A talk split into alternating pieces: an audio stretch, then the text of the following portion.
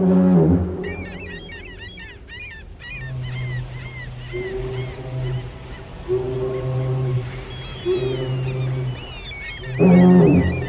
is een podcast van Geluiden uit Oost. Mijn naam is Tineke Kalk.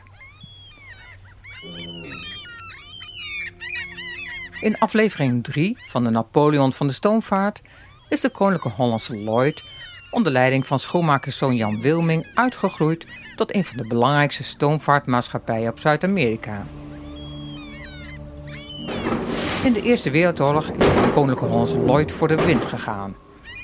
Maar na de oorlog krijgt ze met fikse tegenwind te maken.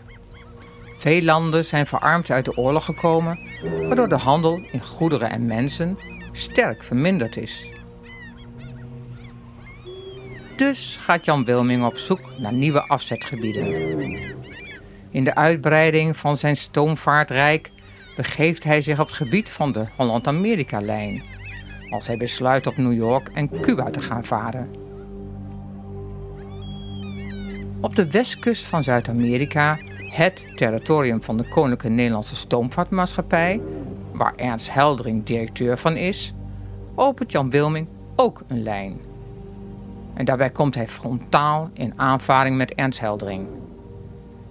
Emiel van Walree is dan ook niet verbaasd dat zijn oude schoolvriend in een onmogelijke positie is gebracht.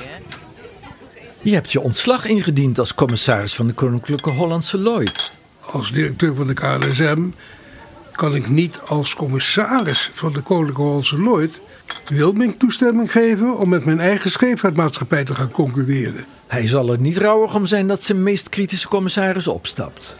Wat dacht je van mij? Ik wil niet mede verantwoordelijk zijn voor de ondergang van de Koninklijke Hollandse Lloyd. Maar kan die nieuwe directeur, de Beaufort, die in plaats van Meurs is gekomen, geen tegenwicht bieden? Ach, dikke Maurits. Zo'n goeiere, maar onbekwame jongen. Maar de nieuwe afzetterreinen blijken minder lucratief dan gedacht. Er worden grote verliezen opgeleden. En niet alleen daar regent het tegenvallers, zodat president-commissaris Karel van Aalst zich ernstig zorgen begint te maken. Tijdens de oorlog had Jan Wilming twee van de grootste passagiersschepen ter wereld, de Limburgia en de Brabantia, gekocht. Ik heb gehoord dat er op de Limburgia en de Brabantia drie ton verlies per reis wordt geleden. De huishouding op die schepen schijnt overdreven royaal te zijn. Wat die royale huishouding op onze schepen aangaat, die is nodig om een wereldreputatie voor de Koninklijke Hollandse Lloyd te verwerven. Het internationaal reizende publiek en rijke Argentijnse en Braziliaanse families hebben nu al een voorkeur voor onze maatschappij. En hoe zit het met de bouw van het nieuwe kantoor van de Koninklijke Hollandse Lloyd? Als het af is, zal het het grootste kantoor van Amsterdam zijn. Maar, zo vreest Kaal van der Aalst ook, het allerduurste. En dan de uitgave aan het nieuwe kantoor aan de Prins Hendrikkade. Alsof het niet op kan. Inktkokers voor 1500 gulden per stuk. Het nieuwe kantoor moet in alle status en allure uitstralen. Er zijn nog meer financiële tegenvallers. Jan Wilming heeft in de oorlog een aantal schepen besteld op basis van line and time. Dat houdt in dat je pas betaalt bij aflevering op grond van de dan geldende stand van de valuta. Jan Wilming was ervan uitgegaan, optimistisch als hij altijd is, dat die lager zou zijn. Maar in plaats daarvan is die veel hoger. Klopt het dat de nieuwe schepen als ze klaar zijn veel meer gaan kosten dan begroot? Dus is er extra geld nodig. Aan hoeveel denk je? 20 miljoen, hoewel eigenlijk 23 miljoen, maar voor nu 10 miljoen. Aangezien er geld opgehaald moet worden bij de beleggers, is het natuurlijk handiger om de financiële situatie wat rooskleuriger voor te stellen dan die is. In verband met de inschrijving op de obligatierekening lijkt het mij verstandig om in de balans de aandacht te vestigen op de lage boekwaarde van de vloot. En juist de informatie over de toegenomen concurrentie weg te laten. In de loop van 1921 worden de verliezen alsmaar groter. Commissaris Rolfing, die ook bankier is, zijn Twentse bank is een van de belangrijkste kredietsverleners van de Koninklijke Honse Lloyd, voelt nattigheid. Onze laatste prospectus waarin wij geld proberen op te halen heeft iets misleidends. En als eerlijke man en bankier voel ik me bezwaard. Het publiek koopt ter goede trouw de obligaties, terwijl in mijn zinziens twijfel bestaat of de coupons een volgend jaar wel gehonoreerd zullen worden. Rolfing beseft dat behalve Jan Wilming ook hij en de andere commissarissen een rol gespeeld hebben in de verliezen die de Koninklijke Hollandse Lloyd leidt. Wij als commissarissen gaan niet geheel vrij uit. We hebben allemaal de opdrachten goedgekeurd, van schepen tot nieuwbouw. Toch boekt Jan Wilmink in deze benarde tijd nog een daverend succes. Aan de oostelijke handelskade in Amsterdam is het landverhuizershotel van de Koninklijke Hollandse Lloyd zo goed als af. Midden in de Eerste Wereldoorlog had Jan Wilming beargumenteerd dat een eigen landverhuizershotel bouwen een slimme zet zou zijn. Overal worden landverhuizers uitgebuit in obscure hotels, ook in Amsterdam. Bovendien heersen in die zogenaamde hotels vreselijke onhygiënische toestanden. De kans op het ontstaan van epidemieën daar is dus groot. Terwijl we in ons eigen hotel de zieken onmiddellijk kunnen isoleren. Daar komt nog bij dat ons hotel aan de oostelijke handelskade, ver weg van het centrum, in een uithoek ligt, zodat de landverhuizers niet meer door de stad zwerven. Commissaris Op de Noord had nog wel even naar de kosten en baten geïnformeerd.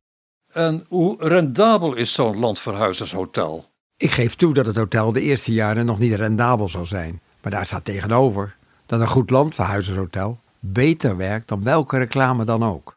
Binnen de kortst mogelijke tijd komt het hotel bekend te staan als een van de beste landverhuizershotels ter wereld. Maar laten we teruggaan naar het voorjaar van 1921, wanneer Jan Wilming de Amerikaanse gezant vol trots rondleidt in het net opgeleverde landverhuizershotel. De bouw heeft acht keer zoveel gekost dan begroot.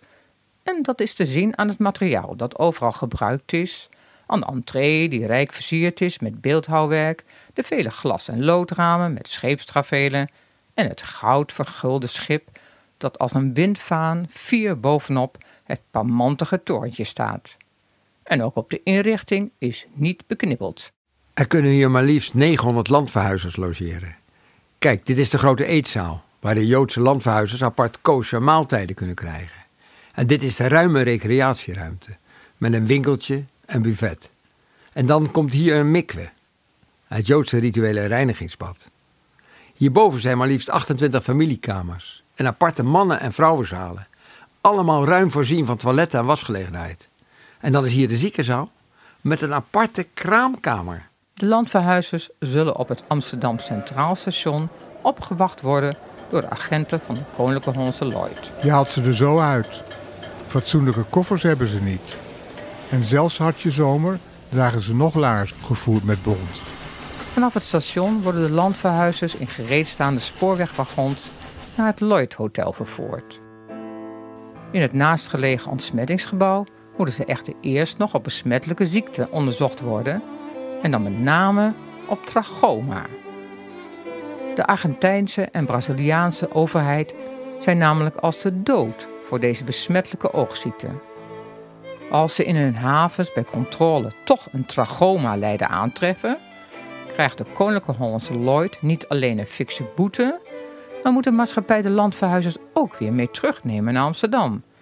Een dubbele strop dus. Als geneesheer ben ik in dienst van de Koninklijke Hollandse Lloyd. Ik let vooral op het trachoma, dat is een zeer besmettelijke oogziekte die tot blindheid leidt.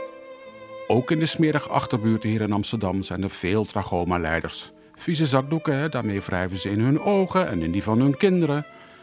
Dus als ik constateer dat een kind, moeder of vader aan trachoma lijdt, moet ik ze zonder pardon de deur wijzen. En wat er verder met ze gebeurt, daar is onze scheepvaartmaatschappij niet verantwoordelijk voor. Na de keuring moeten de landverhuizers uit de kleren. Maar waarom, vragen ze zich af. Почему надо раздеваться полностью? Мені потрібно повністю роздягатись. Кажуть, що да. En wat gaan ze met hun kleren doen? Куди вони йдуть з моїм одягом? De kleren worden weggebracht en ontsmet en de landverhuizers moeten, voor het eerst van hun leven, onder de douche. In die tijd ook in gewone Amsterdamse huishoudens een nog onbekend fenomeen. Daarna krijgen de landverhuizers een badjas en een gummi badslippers en gaan ze via een overdekte gang naar het Lloyd Hotel. En daar wacht hun een al dan niet koosjere maaltijd en een schoon bed zonder luizen en bedwansen.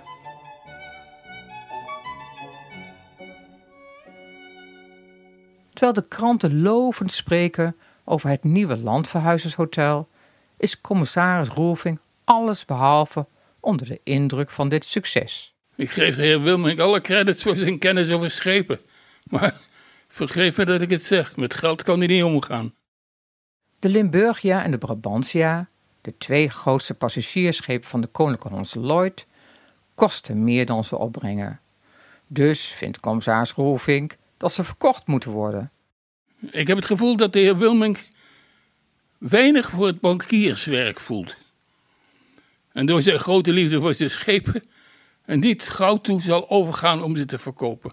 Terwijl verkopen dringend noodzakelijk is. Het moet mij van het hart dat ik niets gevaarlijker acht dan om in een pessimistische stemming impulsieve besluiten te nemen. Het lijkt erop dat Jan Wilming zijn krediet verspeeld heeft. De mededeling van Kaal van Aalst op de vergadering van 1 september 1921 komt dan ook niet echt als een verrassing. Voor mij ligt een schrijven van de heer Wilmink, inhoudende een verzoek om ontslag als directeur, om gezondheidsredenen. Aan het ontslag van Jan Wilming worden weinig woorden vuil gemaakt, terwijl hij zich toch 15 jaar lang dag en nacht onvermoeibaar voor de Koninklijke Hollandse Lloyd had ingezet. En niet zonder succes. Hij zorgde ervoor dat uit de bijna failliete Zuid-Amerika-lijn een nieuwe scheepvaartmaatschappij ontstond, die een van de belangrijkste maatschappijen op Zuid-Amerika werd. Maar het lijkt erop dat de commissaris alleen maar ontzettend opgelucht zijn dat de man opgestapt is. Hoewel, commissaris Optenoord maakt zich ook zorgen. Hoe gaan we dit naar buiten brengen? De aandeelhouders moeten het ontslag namelijk nog wel goedkeuren. Hmm, we kunnen zeggen dat met alle waardering voor het goede door de heer Wilmink tot stand gebracht, deze ontslagaanvraag de commissarissen niet onwelkom is, gezien zijn financiële wanbeheer. Maar zo makkelijk komen de commissarissen er niet van af tijdens de ingelaste aandeelhoudersvergadering. Het regent verwijt. Hebben de commissarissen zitten slapen? Hadden ze niet eerder kunnen ingrijpen? En ter verdediging kan ik alleen nog maar zeggen dat wij allemaal, ook ik, onder de charme van de heer Wilming waren. Ook de kranten zijn kritisch. Waar het alleen de charmes van Jan Wilming waar Rolfink voor bezweek? Of wilde banken zoals de Twentse Bank van Rolfink maar wat graag steeds grotere leningen aan Jan Wilming verlenen? De directies van grote bankinstellingen wilden steeds groter worden en bij de concurrentie niet achterblijven. Om dit doel te bereiken stelde men aan de cliënten alle mogelijke middelen ten dienste om zich uit te breiden. Deze maakten natuurlijk van de gelegenheid gebruik en namen grote kredieten op. En was het zo vreemd dat Jan Wilming in de Eerste Wereldoorlog zijn vloot wilde uitbreiden? De verwachting was dat het land met de grootste tonnenmaat na de oorlog de beste slagingskans zou hebben en dat de neutrale landen een zeer belangrijk deel van de vrachtvaart zouden bemachtigen. Hadden de economische vooruitzichten op scheepvaartgebied aan de verwachtingen beantwoord? Geen plaats op de beurs zou voldoende ruimte hebben geboden aan het standbeeld voor Wilmink. Na het ontslag van Jan Wilming worden de Brabantia en de Limburgia verkocht met enorm verlies. En nog één keer tast het Rijk en de stad Amsterdam diep in de buidel om het paradepaadje van de Nederlandse scheepvaart te ondersteunen. Maar het gaat steeds slechter. De afkorting KHL staat niet meer voor Koninklijke Hollandse Lloyd, maar voor de kas helemaal leeg. En uiteindelijk zal de Koninklijke Hollandse Lloyd failliet gaan. Maar laten we teruggaan naar 1921. Ernst Heldering moet het ontslag uit de krant vernemen.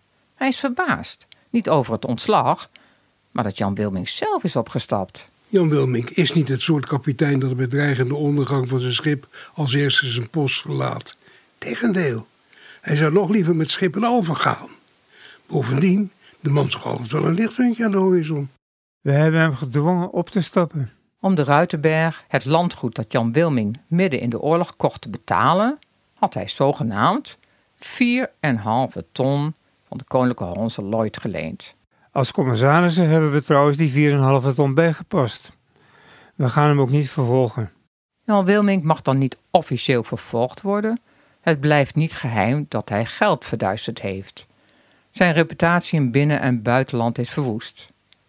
Als hij failliet wordt verklaard, verhuist hij terug naar Genua, waar Ernst Heldering hem 15 jaar daarvoor had opgezocht om hem te vragen de failliete scheepvaartlijn op Zuid-Amerika te redden. Wat is er aan de hand, Ernst? Qui est? Het is 22 augustus 1924. En Ernst Heldering leest net in de krant dat Jan Wilmink op 56-jarige leeftijd aan een hartverlamming, of is het een gebroken hart, is overleden in Genua, ver weg van zijn vaderland, net als de landverhuizers die hij ooit vervoerde. Nog een laatste keer wijdt Ernst Heldering een passage in zijn dagboek aan de man die hij ooit bewonderde, maar in wie hij diep teleurgesteld is geraakt. Hij was een van de merkwaardigste figuren die ik ontmoet heb. Het duurde lang voordat ik de ledigheid van zijn beweringen doorzag. Hij bezat een grote bekoring, veel uiterlijke distinctie, zijn geestdrift en daar hij over werkelijke kennis van het moderne passagiersverkeer ter zee beschikte, een kennis die niemand in Amsterdam had, won hij vele van zijn plannen. Ernst Helderings oordeel over Jan Wilmink is duidelijk, maar is daar alles mee gezegd? En zijn er nog nazaten van Jan Wilmink in leven? En kunnen zij misschien een nieuw licht op hun voorouder werpen? Dat onderzoek ik in de laatste aflevering, de nazaten en nalatenschap van Jan Wilmink. De stemmen die u hoorde zijn van Theo van der Vos, Nelleke Oepkes, Alex Leenders, Wessel van der Heijden, Rob de Krieger, Bert Fransen, Ruud van Soest, Merijn Verlangen, Lily Oekraïne, Gerrit Jolink, Peter Propstra, Mario Gommeren en Piet van der Waals.